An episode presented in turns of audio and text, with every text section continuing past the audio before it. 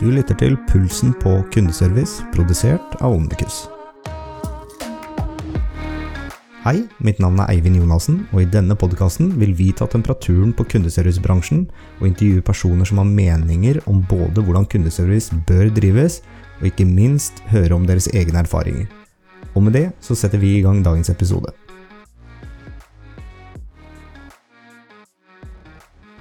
Dagens gjest er Nina Bjørlo, og hun er leder for kundeservice i DHL Ekspress, hvor hun har ansvar for 28 agenter på kundesenteret.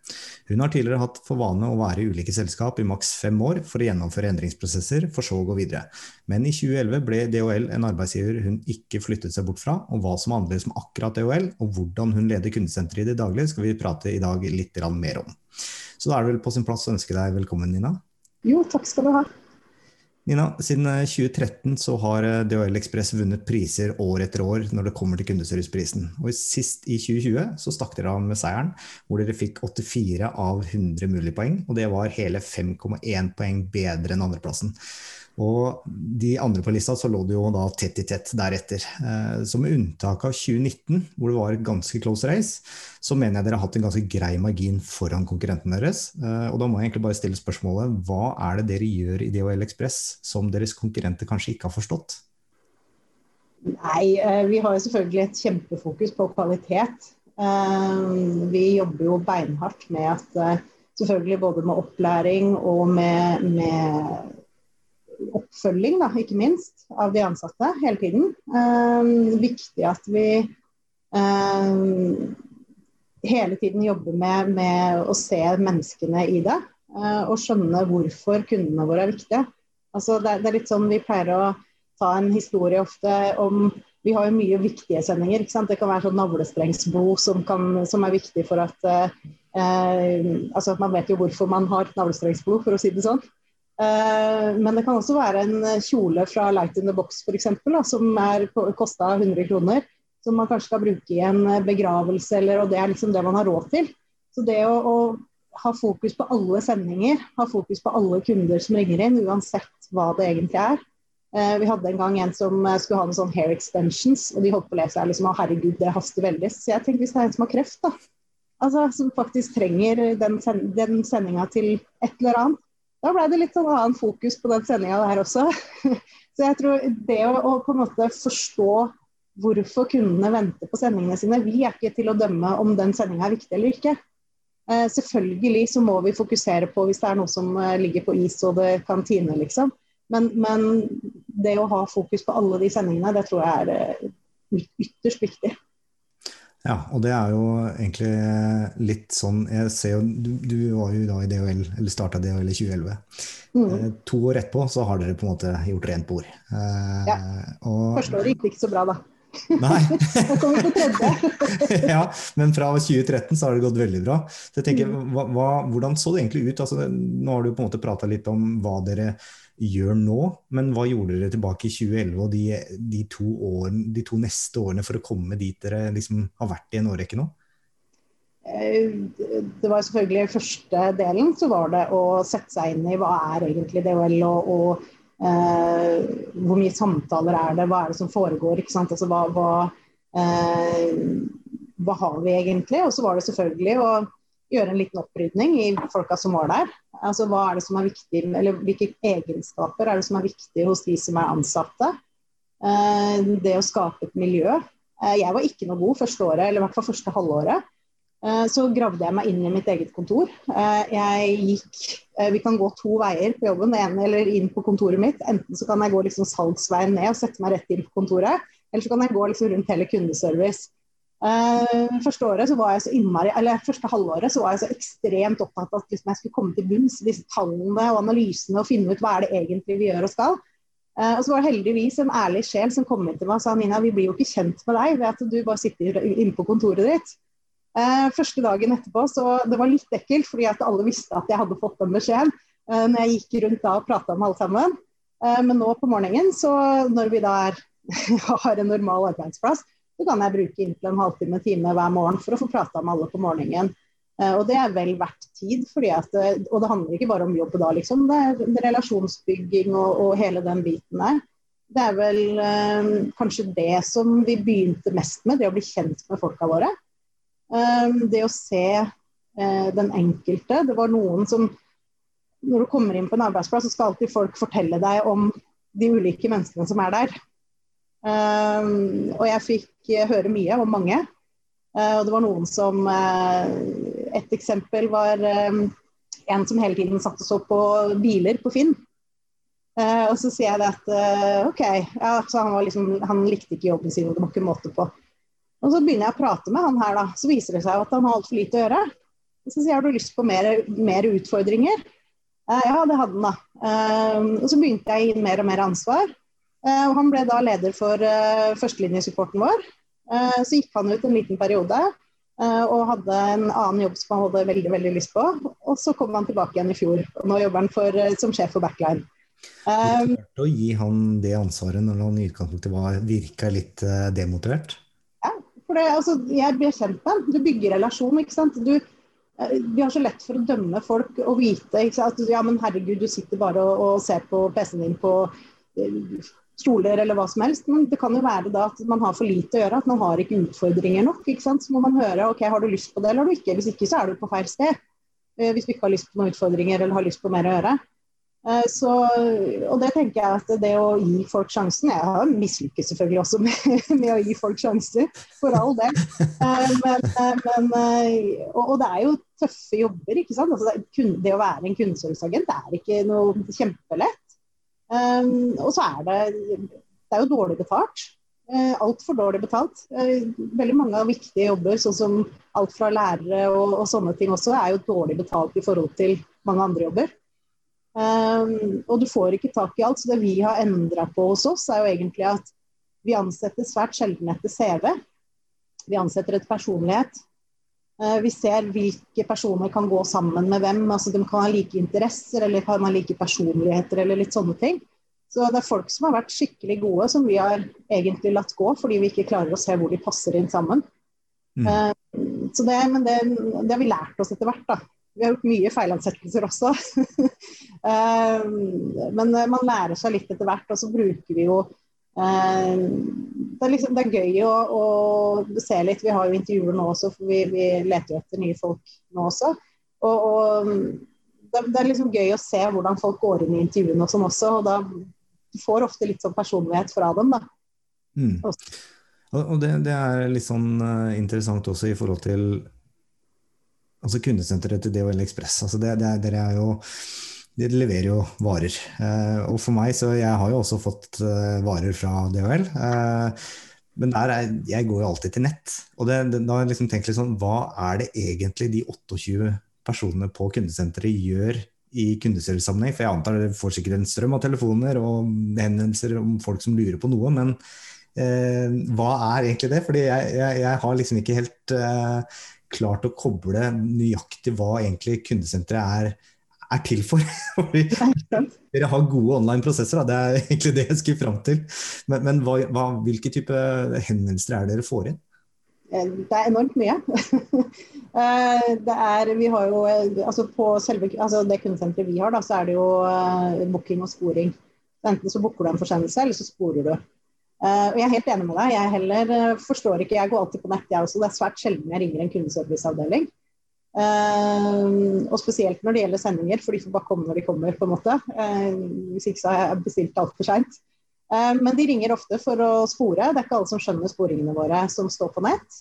Uh, og så er det De lurer på da når kommer sjåføren, og, og kommer pakka mi i dag, eller kommer den i morgen? Og så er det selvfølgelig det å booke sendinger da, eller opphentinger også. Så de ringer om mye forskjellig. Og så er det Vi får mange forskjellige typer henvendelser selvfølgelig også, men, men uh, det er enormt mange, og det er alle aldersklasser som ringer. Det er liksom ikke noe sånn at det bare er gamle eller bare er uh, oss, eller sånn som meg, middelaldrende. det er, eh, og det er like mye de som er tekniske og alt sånt. Og så er det jo både privat og bedrift, selvfølgelig. da. Mm. Så, eh, men eh, det er, det er mange henvendelser.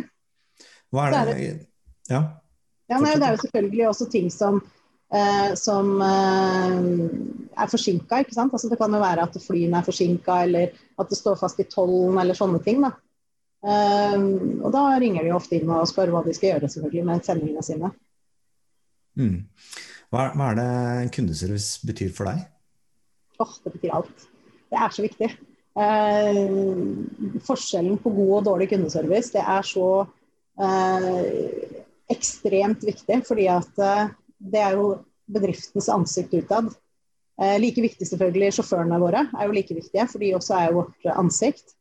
Eh, men eh, det å bli mottatt av en hyggelig person når du ringer inn til et selskap, og, og at folk faktisk tar deg på alvor, det er noe som jeg mener i hvert fall at avgjør mye for kundene. Altså Hvis du blir møtt av en som er totalt uinteressert i stillingen sin eller i jobben sin, det merker du fort, altså.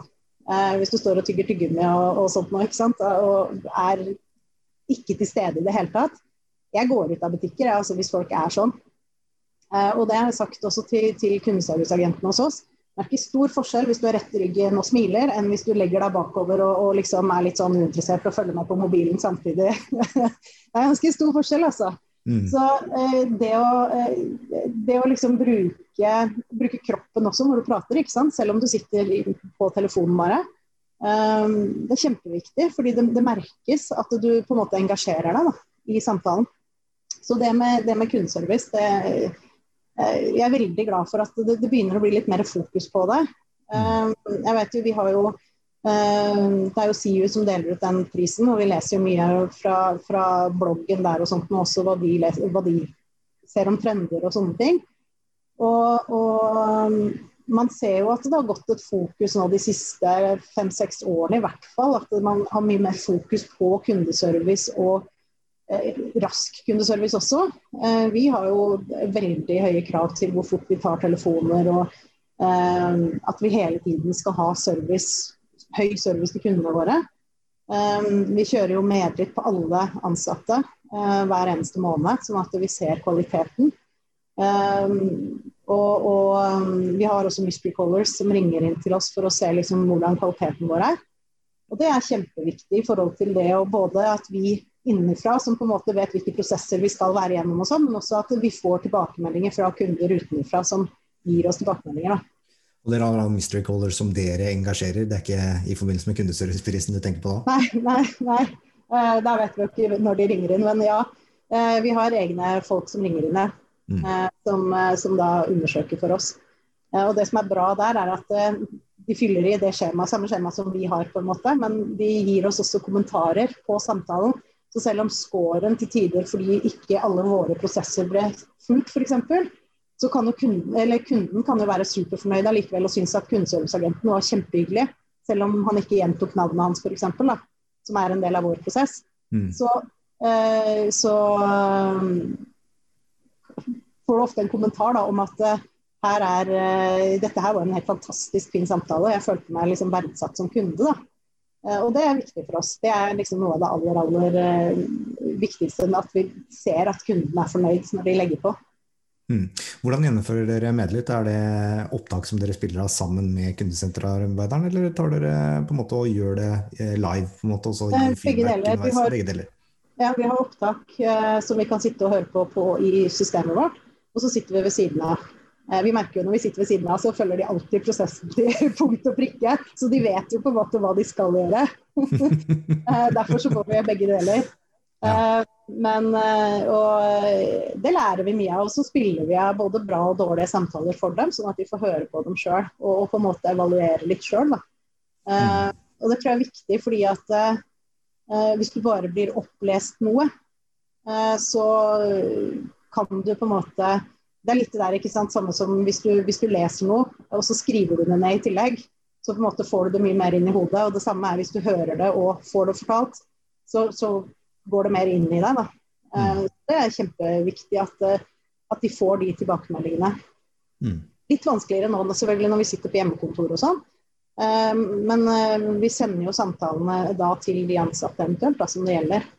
Og samme, også de, får, også de som når vi har mystery caller, så får de på en måte sine egne samtaler, så de kan lese hva mystery calleren sier. da.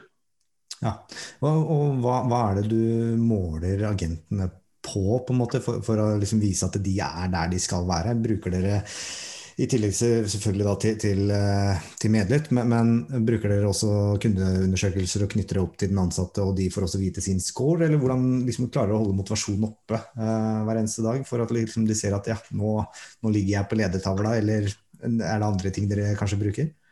Nei, altså ja den, den medlytten er uh, Mystery calleren er offisiell, så den sender vi ut. Så det er ti samtaler i måneden. Uh, så der ser alle sin egen score. Uh, og det er jo tilfeldig. Noen ganger så er det jo én person som har fått fem av ti samtaler, liksom. så det vet vi aldri, for vi har jo ikke noe sånt fordelingssystem på det. Uh, men, men den, selve medlytten som vi gjør, den er jo noe som de får vite i coachingene sine. Vi har jo coaching hver måned. Og, og da går det jo gjennom Det er kunnskap, ikke sant. Du faktisk kan det du, du snakker om. Eh, at du er høflig mot kunden, og at du er eh, kun, ja, kunnskapsrik og, og, høflig. Og så er det det her med eh, prosessene våre også. Alt det her at helheten funker, da. Så er, jeg tror det er rundt 40, 40 på en måte sånne områder som vi skal innom da, når man ser på medlytten. Så det er ganske omfattende, men samtidig så er det, og du må ligge over 90% for at du skal være godkjent. på en måte. Ja. Um, så, og det gjør alle sammen, egentlig. Det, det kan, du kan ha en dupp en måned, sånn som f.eks. desember, hvor vi hadde det veldig veldig hektisk. Så var vel ikke alle samtalene like gode bestandig. Um, noe som også er forståelig. Når man sitter og ser at det er fem kunder i kø eller ti kunder i kø, så, så jobber man fortere og kanskje ikke går gjennom absolutt alt. Eh, men det er eh, Jeg tror de har egentlig bare De godtar bare. Eh, og de er så flinke, så de bare fortsetter liksom med å jobbe på samme måte. Og Det er også, altså, det er helt fantastisk med hjemmekontoret. altså Vi fra en dag til en annen, vi hadde aldri testa det en gang før. Og Backline, altså den andre linjesupporten vår, de, de hadde testa det tidligere med hjemmekontor og sånn. Vi hadde aldri gjort det på Frontline. Uh, sendte alle hjem på mandag og alle var oppe på tirsdag. Um, så det var uh, Og svært lite problemer. Altså jeg er kjempeimponert. Og, og, hele nivået har liksom holdt seg hele tiden, uansett om de har sittet hjemme eller hva. Det er kjempeimponerende. Mm. Det, det, er all honnør altså, til at uh, folk orker. Jeg er kundeservice, vet. De yter en service uansett hvor de er. ja, vi er kanskje på rett plass, da. Så. Ja, ikke sant? nei, det er, nei, det er helt fantastisk. Så det, det må jeg si at uh, vi hadde, eller Tidligere så hadde vi snakka om det her at ja, nei, det er ikke mulig at man sitter hjemme og har førstelinjesupport, liksom, for da har man ikke kontroll på køer. og man har liksom ikke uh, Vi kan ikke pushe folk til å ta telefonen og sånn, men uh, fankeren hadde funka, altså. Mm.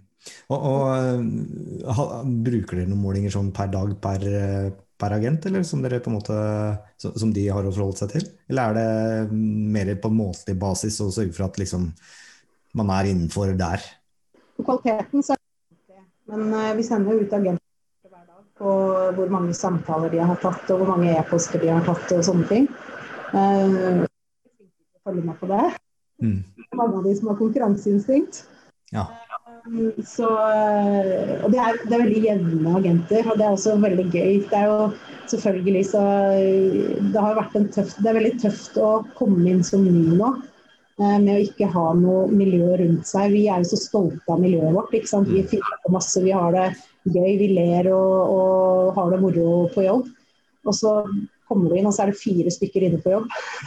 Det er liksom ikke det samme vi sitter i intervjuene og skryter av at eh, ja, vi har kjempebra miljø her. og vi gjør masse morsomt, og vi har jo eh, noe sånn kundeserviceuke en gang i året.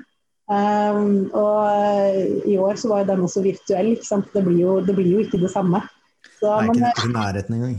Nei, Vi skal bli flinkere til å uh, Hun som er leder for frontline-avdelingen vår, hun er veldig sånn kreativ, så hun har fått litt ansvaret for å komme opp litt med litt sånn digitale ting vi kan gjøre sammen. da. Uh, hvis dette her, for det, dette her kommer jo sikkert til å fortsette frem til sommeren i hvert fall. Ja. Dessverre. Uh, så, men er Nei, er uh, kjempeimponert egentlig over hvor, hvor, bra alt har fungert. Mm.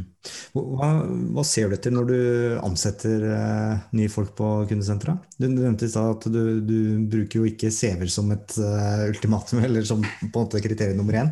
Det er mer personlighet går ut fra, men, men hvilke type andre kriterier er det du, du ser etter? Selvfølgelig, altså, Det aller viktigste er personlighet. Det å, å, det å være utadvendt. Um, vi, vi, må passe på balansen i timen. Vi kan ikke bare ha sånn klassens klovn uh, i teamet. Uh, det, det, blir ganske hektisk etter hvert. Uh, men, men vi prøver jo å, å, Det går mye på noen av de beste folka jeg har hatt. det er faktisk noen av disse håndballgutta som er bare 20 år. Kjempetøffe, kaster seg på opplært på nulltid og er ikke redde i det hele tatt. ikke sant? Bare, de har vært kjempefine, jeg har hatt flere av dem. Um, og så litt sånn uredd. Og så er det selvfølgelig altså Det eneste som jeg ser etter, hvis jeg ser på en CV og sånn, så er det gjerne det at vi har hatt litt erfaring med type kundeservice. Vi har hatt veldig stor eh, suksess med f.eks. folk som har jobba på restaurant, i butikk. altså Sånne typer hvor du har møtt kunder tidligere. da. Um, og det er ofte ikke sånne som har sittet på eh, et rom på en måte tidligere og, og jobba. Altså fordi det, det, da er man for vant til å, å sitte alene. Mm. Eh, og her er det, det er høyt under taket, og det er, eh, det er uh, mye liv mm. normalt. Mm. hvordan, er, eh, hvordan er det hvis du blir ansatt hos deg? Hvordan er onboarding? Ommålingen er uh, Man sitter sammen med en annen agent, som regel. Uh, vi tester ut en annen variant nå, hvor vi har frontline, hun som er frontline-sjef, og lærer opp inne på et møterom.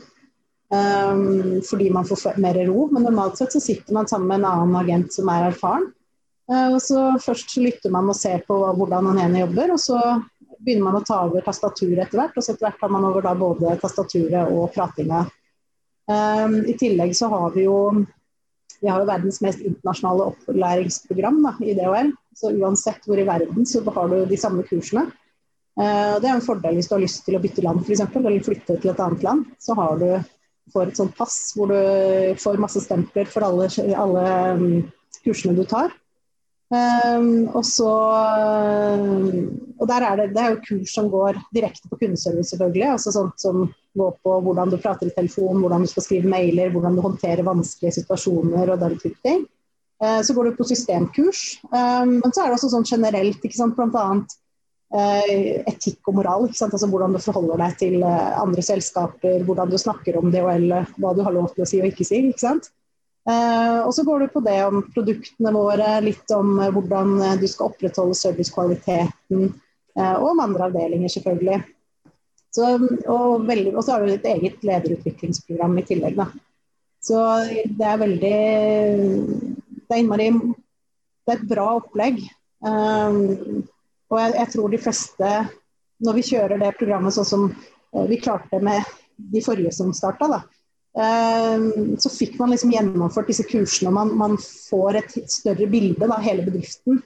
Og Det også er jo en av fordelene. ikke sant, At man eh, På kundeservice lærer du hele bedriften.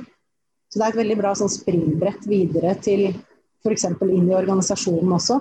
Vi har jo folk som sitter på kundeservice i mange lederstillinger eh, hos oss nå. Så eh, det er veldig moro.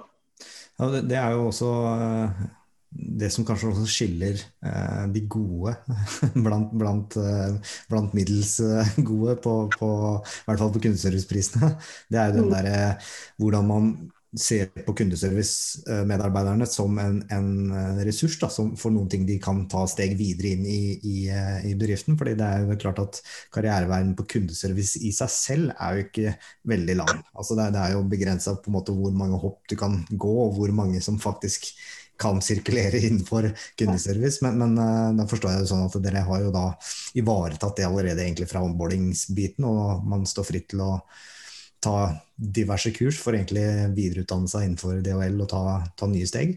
Mm. Så er det, altså, nå har vi, jo, vi har til og med gått så langt at vi må, har måttet gjort en avtale med salg at de får ikke lov å ta dem før etter to år. Oh, ja.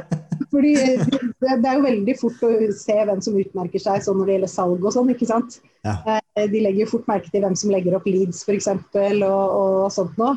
Um, og da er de veldig raske når det kommer nye stillinger og skulle hente noen fra oss. Um, så det er mange på salg som kommer fra kundeservice, for å si det sånn. Ja. Er det da snitt på to år, eller som eh, du har folk hos deg før du må gi slipp? Nei, eh, jo i en periode så var det jo under, langt under to år eh, på mange. Eh, men nå har det vært eh, litt roligere i en periode. Eh, og det har egentlig vært eh, veldig greit. fordi at det er slitsomt å, få inn nye hele tiden. og liksom du får svært sjelden på et sånn, i hvert fall på førstelinjesupport på, på kundeservice, så er det svært sjelden du har et team veldig lenge av gangen. Mm. Du, du, er liksom i en konstant, egentlig, sånn rekrutteringsprosess. Ja. du, du, føler liksom at ja, men nå kanskje det gir seg, men det gjør jo ikke det. Uh, plutselig så skal de gå fra frontline til backline, eller så skal de gå et annet sted. Så, uh, vi har ikke sånn enormt mange som går egentlig ut av bedriften. Uh, I så fall så har de vært der ganske mange år først, som regel. Mm. Um, men ofte så skjer det jo samtidig at flere finner seg et eller annet og sånt. da. Så, men uh, heldigvis så blir veldig mange av dem i bedriften, og det syns vi er veldig gøy.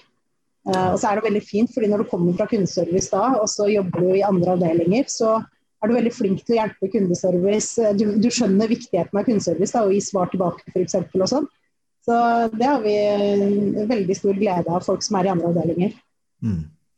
Jeg føler vi ikke kommer helt unna på det helt åpenbare spørsmålet. Og det er så, i tiden vi er i, altså covid-19. Så jeg mm. veit jo på en måte at, og det vet jo alle, eh, at økt transport har jo vært en ting, fordi man handler mer og alt sånt noe. Hvor mye mm. er det egentlig det har påvirka kundeservice hos dere, både på kanskje godt og vondt? Vi merka det nok litt til å begynne med. at da, da, var det veldig usikkerhet. At vi så at uh, det var ikke så mange som handla. Jeg tror folk egentlig var litt apatiske til å begynne med, både uh, i Norge og i verden. Uh, og visste ikke helt. Og så plutselig eksploderte det i forhold til at netthandelen tok jo helt av.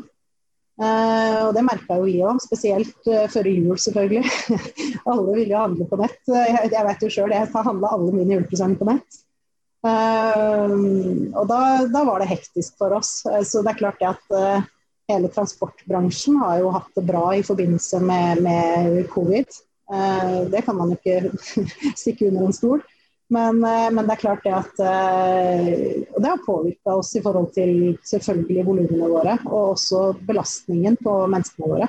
Det er litt også derfor vi nå må se oss etter flere ansatte, òg, for at vi skal kunne dekke det behovet. Mm. Så um, Nei, det har, vært, eh, det har, vært, en tøff periode for mange. Det var mange slitne når vi tok juleferie på lille julaften klokka fem. Mm. Da var det mange som tror jeg satte seg ned i sofaen og ble der. hvor, hvor, viktig har eh, teknologien dere bruker på kundesenteret vært oppi, oppi, det dere har vært gjennom da? Det er klart, eh, Spesielt på telefoner og sånn, så er det jo alfa og omega, egentlig. fordi at Hadde ikke den fungert, så hadde vi jo ikke kunnet flytte på hjemmekontor. Mm. Uh, og det er klart Vi var flinke i begynnelsen på sånn Zoom-møter og sånn, og så har vi ikke vært like flinke Eh, nå i seinere tid. Også fordi at det har vært for mye å gjøre. ikke sant? At man har ikke kunnet ta ut folk fra de linjene og sånn. Og da vil du heller ikke belaste dem etter arbeidstid, fordi at da vil de helst få lov å slippe å tenke på jobb. Ja. Uh, men det vi har gjort bl.a. Uh, hos oss, er jo at vi har vært ute hos agentene de som er på hjemmekontor. Eller ikke bare agentene, men også de i support-teamene våre og resepsjonen og sånn. Så har vi vært hjemme hos dem eh, en gang i måneden de siste tre månedene. Eh, for å se at de lever og at de ser ordentlige ut. Ikke mm. sånn koronahår og joggebukse. Og joggebukse er det vel mange som hadde, men eh, veldig hyggelig å på en måte se dem da, og høre at det går greit. at det er jo ikke alltid du få vite på telefonen om de klarer seg bra hjemme eller noe sånt noe. Så det handler vel også om å se, se, ansiktet til de menneskene også litt, ikke bare høre, prøve, forsøke å høre til igjen noe der. Nei. Så det, det, har vært veldig hyggelig. Det har hatt, vært eh, hos eh, vel, nesten alle, tror jeg, på avdelingen. Og folk bor veldig spredt. Så, men det har vært veldig, veldig, veldig hyggelig. Og, og det å kunne få prate litt. Altså, det, er, det, handler ikke bare om jobb, ikke sant? det handler jo om Vi bygger jo relasjoner som handler om noe helt annet enn bare jobb. Vi, vi blir jo kjent, ikke sant. Det er, det er jo innmari, som leder så er det jo viktig å vite litt hva som foregår i livene til folk òg. Eh, ikke bare eh, hvordan man presterer på jobb, fordi at har du det ikke bra hjemme, så presterer du ikke bra på jobb heller. Så det å, å bli kjent på et litt sånn, kall det dypere plan, da, eh, det er innmari viktig. Så jeg var innom meg på jobben her for, rett før jul og fikk satt meg ned med de tre nye, og egentlig ingenting handla om jobb. Det var mer hvem er dere, og hva skjer i livene deres, på en måte. Hvor bor dere, hva driver dere med på fritida? Altså litt mer sånn uh, For å vite, ikke sant, hvis det er noen som holder med United, f.eks., yes. man Veldig gøy. Top of the league. Uh, men uh, da kan man liksom følge med på det og, og prate litt fotball. Og, ikke sant? Så på andre må du følge med, prate om andre ting. Det syns jeg er viktig, da. Nå blir det sprenging her, forresten. Ja. så apropos hjemmekontor. må du kommer til å riste litt her. At bygget her borte. Ok. Bare hør det piper. Det kommer. Det er skikkelig ekkelt. Ja, akkurat sånn som kollegaene kollegaen min har uh, på sitt Ja, ikke sant? Der har naboen hans drevet og sprengt i ja, jeg vet ikke hvor mange måneder. Men det hører plutselig bare brrr, når vi sitter morgenen, og det er sånn. Ja, så jeg sa i går jeg fader, tenker på de der nærmeste naboene der. Jeg må jo Grunnmuren begynne å løsne snart, for det rister noe skikkelig i huset her. altså. Ja. Hvilke, eh, hvilke, kopier er det egentlig dere bruker altså, for å vite at dere er på rett spor og liksom er, ligger an til å liksom kunne vinne de eh, kundeserviceprisene? Du har jo nevnt eh, Medlytt. Eh, gå gjennom liksom disse opptakene og, og live eh, fra måned til måned med, med de ansatte. Eh, I tillegg til også å ha Mystery Colors. Har dere andre ting som dere bruker med innsikt fra rapportene, som på en måte gir deg noe pekepinn på hvordan dere ligger an i forhold til å å vinne den prisen nok en gang? Nei, altså det er nok, vi, vi, er jo, vi, har jo kopier i forhold til hvor raskt vi tar telefoner og e-poster og den type ting. Og Det er jo en del av servicen, det også selvfølgelig. At vi skal svare fort og, på både mail og, og på telefon. Um, det er klart det at det at man svarer raskt, gjør også at det koster mer å ha en kundeserviceavdeling. fordi at du må jo ha nok folk tilgjengelig. Mm. Um, og, og, det er klart det er viktig. Og så er det selvfølgelig det der med Vi kjører jo vi er jo veldig aktive på coaching. Vi jobber masse med coaching. Det er noe av det jeg brenner aller, aller mest for. Det at man skal ha oppfølging av ansatte hver eneste måned. Um, fordi det handler jo om, nettopp som jeg sa i stad, det her med å se menneskene. Altså se potensialet i menneskene og faktisk kunne ha utvikle mennesker. Um, fordi de aller fleste mennesker har et potensial som vi ikke bruker. Um, det var litt som når du spurte meg om jeg hadde vært med på en podkast før. Nei, det har jeg ikke. Og for meg så er det liksom ja, ok, men da har jeg prøvd det òg. uh, og det handler litt om det derre å Et eksempel var en ansatt hos oss som hadde lyst på Hun fortalte at hun sleit litt liksom med å, å um, det her å prate foran folk og sånn. Um, og det endte med at hun til slutt holdt kurs. Ja. Um, fordi da, da, hadde vi noe å jobbe med, at dette var noe vi uh, faktisk kunne få til. Um, men da handler det om at de er tøffe nok til å, å, tørre å si det til meg eller til dem som sitter og coacher. Da. Uh, jeg syns det er kjempegøy. Altså, det morsomste jeg vet, det er når folk lykkes. Når folk utvikler seg og gjør noe som de aldri har gjort før eller ikke turte. Det syns jeg er kjempegøy. Uh, er det medlytt som er det viktigste verktøyet ditt i det arbeidet der, eller har du andre ting som på en måte du også bruker i den coaching-biten? Altså på, I en coaching så prater vi først om resultatene eh, som har vært den måneden. Eh, på de kopiene de har. Og så prater vi om medlyttet selvfølgelig. Og hvilke Vi gir alltid en utviklende og, eller en motiverende og en utviklende tilbakemelding. Vi gir aldri kritikk. Det, sånt driver vi ikke med. Det er, liksom, det, det er en ordentlig tilbakemelding som er objektiv. Um, og så diskuterer vi jo litt uh, hvordan ting går og alt sånt nå, og prøver å ha en åpen dialog hvor de også kan gi oss tilbakemeldinger. Uh, så vi bruker jo den feedback-modellen i forhold til at man action impact du, altså hva var det du sa eller gjorde, og hvordan påvirka det, og uh, hva skal man gjøre eller ikke gjøre neste gang. Fordi at hvis du begrunner det Så hvis jeg sier at dette påvirka meg på den måten her, så kan man på en måte ikke argumentere mot, fordi at det var faktisk sånn det føltes for meg. Mm. Og, og eh, vi, er, vi, er, innmari gode ikke sant, på å bare gi den der at uh, den samtalen der syns ikke jeg var bra. Uh, uten å begrunne det. Og, men hvis du begrunner det, så har du muligheten til å bli bedre.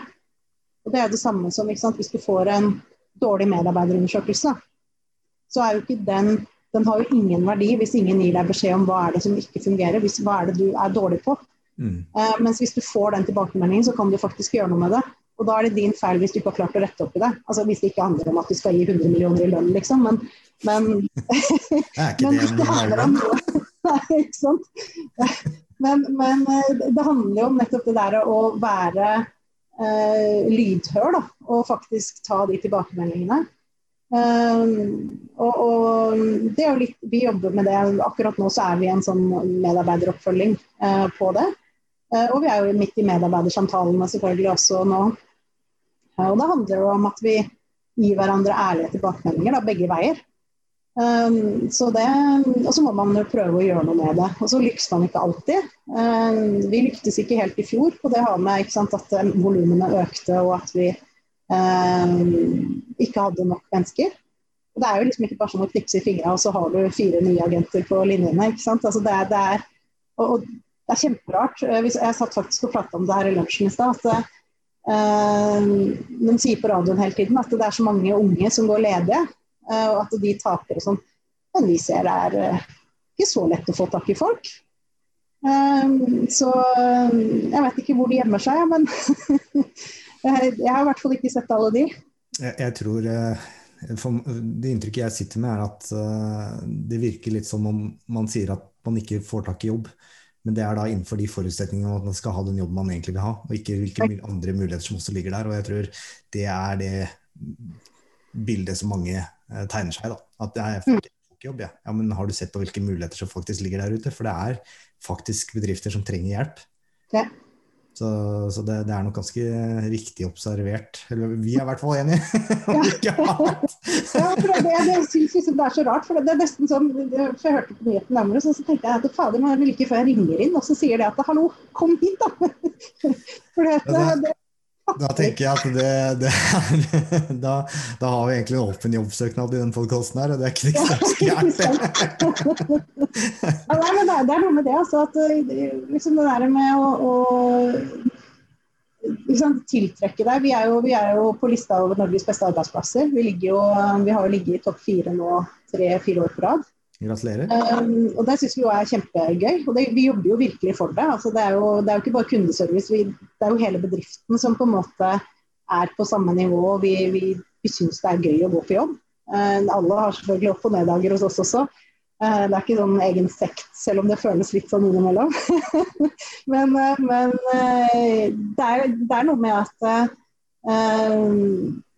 vi har, vi har, klart å skape et miljø hele, he, i hele bedriften da, hvor vi jobber for hverandre og sammen med hverandre. Vi har noe som heter As One. ikke sant? Altså Vi virkelig jobber, prøver å jobbe sammen som, som en enhet og, og, levere det beste for kundene våre.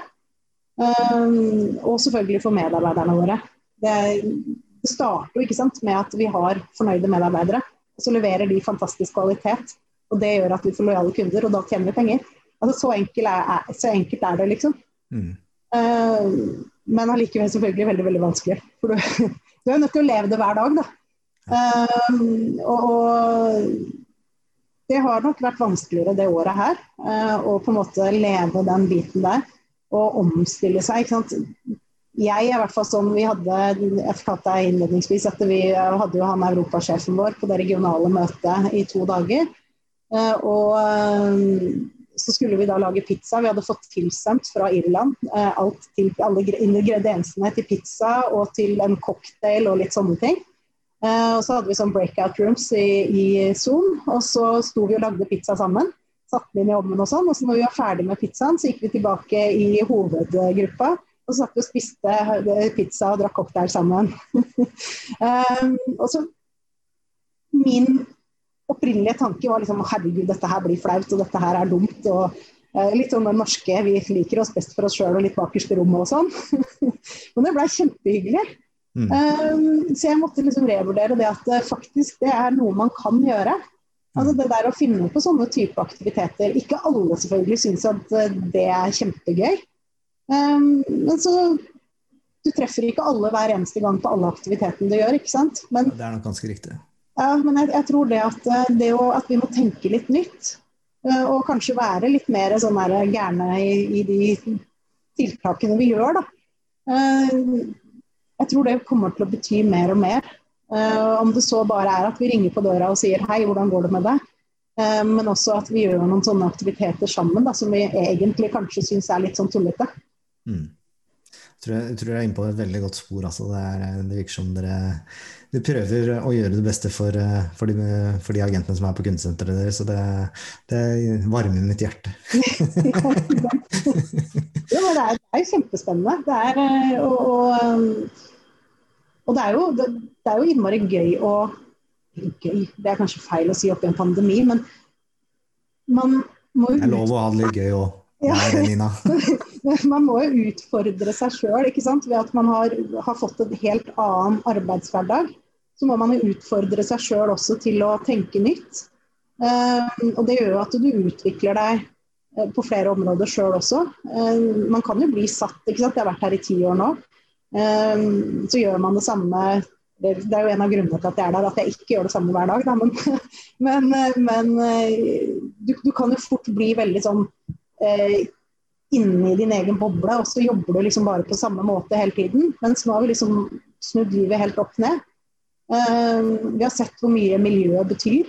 Eh, vi har sett hvor mye der, den viktigheten av å ha en jobb de aller fleste av oss kjenner jo noen som har mista jobben nå, eller blitt permittert eller noe sånt nå. Um, og det er klart det at uh, Da skal man prise seg lykkelig over at man i det hele tatt har en jobb. Og at man har muligheten til å kunne jobbe på den måten vi gjør. Ja, vi kunne hatt kundeservicesentre alle sammen på jobb. Vi hadde klart å ha én til to meter avstand. Men vi også vil jo bidra til mm. den dugnaden vi er inne i. Da. Og i tillegg så er det jo vi vet jo aldri hva våre agenter gjør på kveldstid og i helgene. Uh, og da, du, da, kan du jo fort få et smitteutbrudd, ikke sant? og det vil du i hvert fall ikke ha. Da hadde vi ikke levert servicen. Det er kjedelig å komme opp i den situasjonen at man liksom Nei, det, vi gjorde ikke alt vi kunne. Uh, og det ble en mediasak, da, fordi det er jo et kjent selskap. Det er uff. Det kommer på forsida. Det var Ekspress smitteutbrudd, må stenge ned hele bedriften. Nei, det er, det, er ikke, det er, ikke, det man ønsker akkurat nå. Nei, og der må jeg si vi har vært utrolig Jeg syns vi har vært flinke. Vi har kommunisert godt, vi har prata mye. Vi har liksom omstilt oss. Og så gjør vi også da selvfølgelig eh, i hele bedriften at de som har et behov, f.eks. hvis du det er noen som sitter hjemme på gutterommet f.eks., eh, og som kanskje da trenger en uke å komme tilbake igjen på jobb og være inne en ukes tid for å få litt andre impulser. Og det er helt greit. Mm. Det, vi, vi, har liksom ferdige plasser hvor folk kan gå inn, hvor vi spriter ned hver dag, sånn at folk kan komme inn og sitte på jobb òg, mm. Så det, og det, jeg tror nok det også blir en arbeidshverdag framover. Sånn som eh, jeg har et håp i hvert fall om at fraværet kommer til å bli mye mindre. Fordi terskelen er jo større og Altså, det er jo ikke så vanskelig å sette seg foran en PC ikke sant, om man er litt sånn halvdårlig. Eh, men det er mye verre å måtte kle på seg, dusje, sette seg i bilen, kjøre inn og komme inn på jobb. Mm. tror jeg vi får mye mindre smitte, selvfølgelig. Fordi folk da sier at nei, vet du hva, i dag holder jeg meg hjemme for jeg er litt småforkjøla. Uh, for før så vi har hatt mange utbrudd av sånn mageinfluensa og litt sånne ting. ikke sant? Uh, det har vi ikke hatt noen ting av i år. Um, men det er vel egentlig ikke andre som har hatt det ellers. det Folk er ikke sjuke vet du. Det er jo spriting overalt. Den bare går rundt og lukter sprit hele dagen, liksom. Det er rart. Kommer dere til å fortsette med hjemmekontor også etter, etter det der helvete er over? Jeg håper ikke. Eh, jo, altså vi, vi, kommer i hvert fall til å ha muligheten til det. Mm. Sånn F.eks. ved syke barn eller at man er litt sånn småsjuk sjøl. Eller hvis man skal ha en rørlegger eller elektriker eller noe sånt noe hjemme. Så, så, tror jeg at hvis man har litt behov for at man må ha litt ro en dag eller en uke eller noe sånt noe, så det går helt fint. Mm. Vi har jo folk som har, har, familie andre steder i landet, som har kunnet sitte da andre steder i landet datteren min jobber litt for oss innimellom. Hun sitter i Tromsø og jobber. Eh, så, så, det er litt sånn at vi faktisk Du kan jo sitte over hele landet. Mm. Og der har vi også noen av de Vi prøver jo å ha et godt forhold til alle de som har jobba hos oss. Så noen av de som har begynt å studere og sånt nå, de jobber jo for oss i, i sommerferier og vinterferier og litt sånne ting. Og av de har også fått med seg en PC, sånn at de kan eventuelt logge seg på der hvor de studerer, hvis de har noen ledige timer eller vi trenger folk og sånt noe. Ja. Det, og det er, det er, løsninger som vi aldri har sett før, ikke sant? som aldri har tenkt over at men det er jo mulig. Mm, og dette kom under pandemien, ikke sant? Mm. Mm, så bra. Så lærer jo mye. Mm. Jeg tror det er mange som får seg en sånn digitaliseringssjokkbølge som bare sånn Oi, her må vi gjøre mye. Og så var liksom nesten, vi var egentlig nesten i mål før pandemien nå, det var bare aldri fokus. Eh, mens nå måtte det ha fokus, og da ser man plutselig helt nye muligheter for både fleksibel, mer, kanskje mer fleksibel arbeidsplass og, og, ikke minst eh, tidspunkter. Og som du sier, at du trenger å sitte hjemme en uke, så er det greit. Skal du reise til familie på andre sida av landet, så er det også greit. Eh, så det, det, er, det er, jeg tror man kan hente mye positivt ut av det som vi faktisk er midt oppi også, selv om det er overalt, eller i, i, det meste, så kan man vel ikke ønske at det aldri hadde skjedd. Men allikevel så, så, tror jeg det er en erfaring som uh, vi kan sikkert dra med oss uh, mye positivt ut av også. Ja, det tror jeg. Og så tror jeg vi, vi uh, har lært oss på en måte mye i forhold til hvor flinke vi egentlig er til å følge råd. Vi, vi følger jo bare etter og logrer med halen. Men jeg tenker at det har også gjort at vi er i den heldige situasjonen som vi er i nå. Da. At vi mm. faktisk, altså vi har jo ikke eh, som jeg sa til deg, Vi har jo et hus i Italia, og der får de omtrent ikke lov å gå ut av husene sine. og I perioder fikk de ikke lov å gå ut. Det var vel eh, Nederland eller et eller annet nå som innførte portforbud. Eh, mm. Og det er klart, det hadde ikke vært det siden krigen. Nei. Så det, det, er klart at det Ja. Det kunne ja, vært mye vi er så heldige ikke sant, som har, vi har natur og vi, har, vi, kan gå ut og gå turer i skog og mark og alt sånt. Mens de som bor midt inne i Roma f.eks. Altså det er sånn Sitte inne i de små leilighetene der. Jeg har sett en del av de hjemmekontorene som en del av de kundeserviceagentene rundt om i Europa sitter på. De sitter på et nattbord i senga si liksom og jobber. Uh, de fleste av oss har jo, om ikke annet kanskje vi har et kjøkkenbord eller et eller annet sånt noe. Mm. Uh, men det er klart folk har jo utfordringer. Vi har jo to stykker, en hos oss uh, som er sammen med en annen på, som sitter på en annen supportavdeling hos oss. Og de har et lite kjøkkenbord og sitter skjerm mot skjerm, og begge sitter i samtale. det er ikke alltid like lett, det heller. Um, så noen har hatt uh, hvor uh, man bare har hatt en liten leilighet hvor ene jobber på kveldsskift, og så snorker han, og så sitter man i telefonen og så hører Det har vært mye sånne ting. Uh, unger som flyr fram og tilbake. og men jeg tenker det må folk takle, faktisk. Altså, både kunder og alle. Jeg tror ikke det er mange som ikke har forståelse av at det er eh, litt andre, litt andre bakgrunnsstøy enn det man er vant til. Litt røff sprenging hos deg i stad. Ja, det, er, det er litt sånn der, det, ting man egentlig ikke har tenkt på. Ikke sant? Det er mute-knappen, f.eks. Mm. Hei, du er muta, du må trykke på knappen. Mm. Er, um, og plutselig så detter du ut fordi at det er dårlig linje og ja, nei, det er um, mange ting vi ikke har tenkt på før, som uh, er helt vanlige ord nå. Ja. Jeg tenker vi skal gå over til fem raske spørsmål. Ja. Du bruker den tida du ønsker, men jeg skal prøve å ikke blande meg inn. så, så, nummer én, hva er den største positive overraskelsen du har fått på kundesenteret de siste månedene, og hvorfor? Ja, ja hva er den største overraskelsen?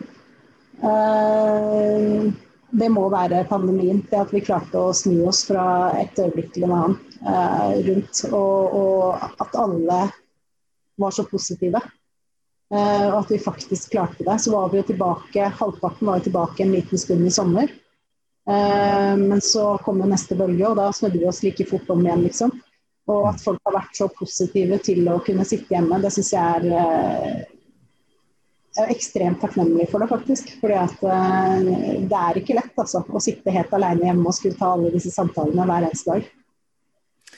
Hva har vært den største blemma på kundesenteret siste året, og hvorfor tror du det skjedde? kan det kanskje. Det, det, må være meg, da, at jeg ikke har hatt nok folk på jobb, tror jeg. Vi, vi skulle nok ha vært litt flere. Så det, det, er vel kanskje det største, at folk har blitt litt for slitne fordi vi ikke har klart å ha nok folk. Mm. Hvis du hadde hatt ekstra penger på kundeservicebudsjettet, hva ville du brukt det til, og hvorfor? Uh, uten pandemi. Opp til deg. pandemi så hadde jeg dratt på en helgetur, tror jeg, med hele kundeserviceavdelingen. Uh, hvor vi kunne hatt både teambuilding og fått uh, virkelig tilbake den der teamfølelsen igjen. Hvordan holder du deg oppdatert på kundeservicetrender? Jeg leser veldig mye på nett. Og leser mye bøker, særlig om coaching selvfølgelig, for det er det, jeg brenner mest for. Eh, men eh, jeg leser veldig mye blogger, altså sånn kundeserviceblogger, og LinkedIn er jo veldig bra på veldig mye sånne ting. Så ja, følger mye ting på LinkedIn, egentlig. Hva er det største området du er nysgjerrig på akkurat nå? Eh, det er litt coaching, og så er det litt sånn kognitiv terapi. Altså det der å ikke akkurat terapibiten, men altså det der å, prøve å konsentrere seg om det som er viktig, og, ta vekk det som ikke er viktig. Eh, hvordan man skal få til det. Eh, både for, selvfølgelig for kundeservicesenter, eh, at man liksom fokuserer på det viktige, men også for sin egen del. altså Det å dytte vekk eh, de der dumme tankene som du egentlig ikke trenger. Det syns jeg er gøy å lese om. Mm, jeg er helt enig med deg der. Du, Nina, hvis det skulle være noen som er arbeidsledige, som kunne tenke seg å, å, ta en prat med deg. Hvordan kommer du enklest i kontakt med deg da? Nei, det er bare å sende meg en mail, Så um, Mailadressen er nina.bjorlo.dhl.com. Nina, tusen takk for samtalen, og lykke til videre med kundesenteret til DHL Ekspress. Jo, takk skal du ha. Det var veldig hyggelig.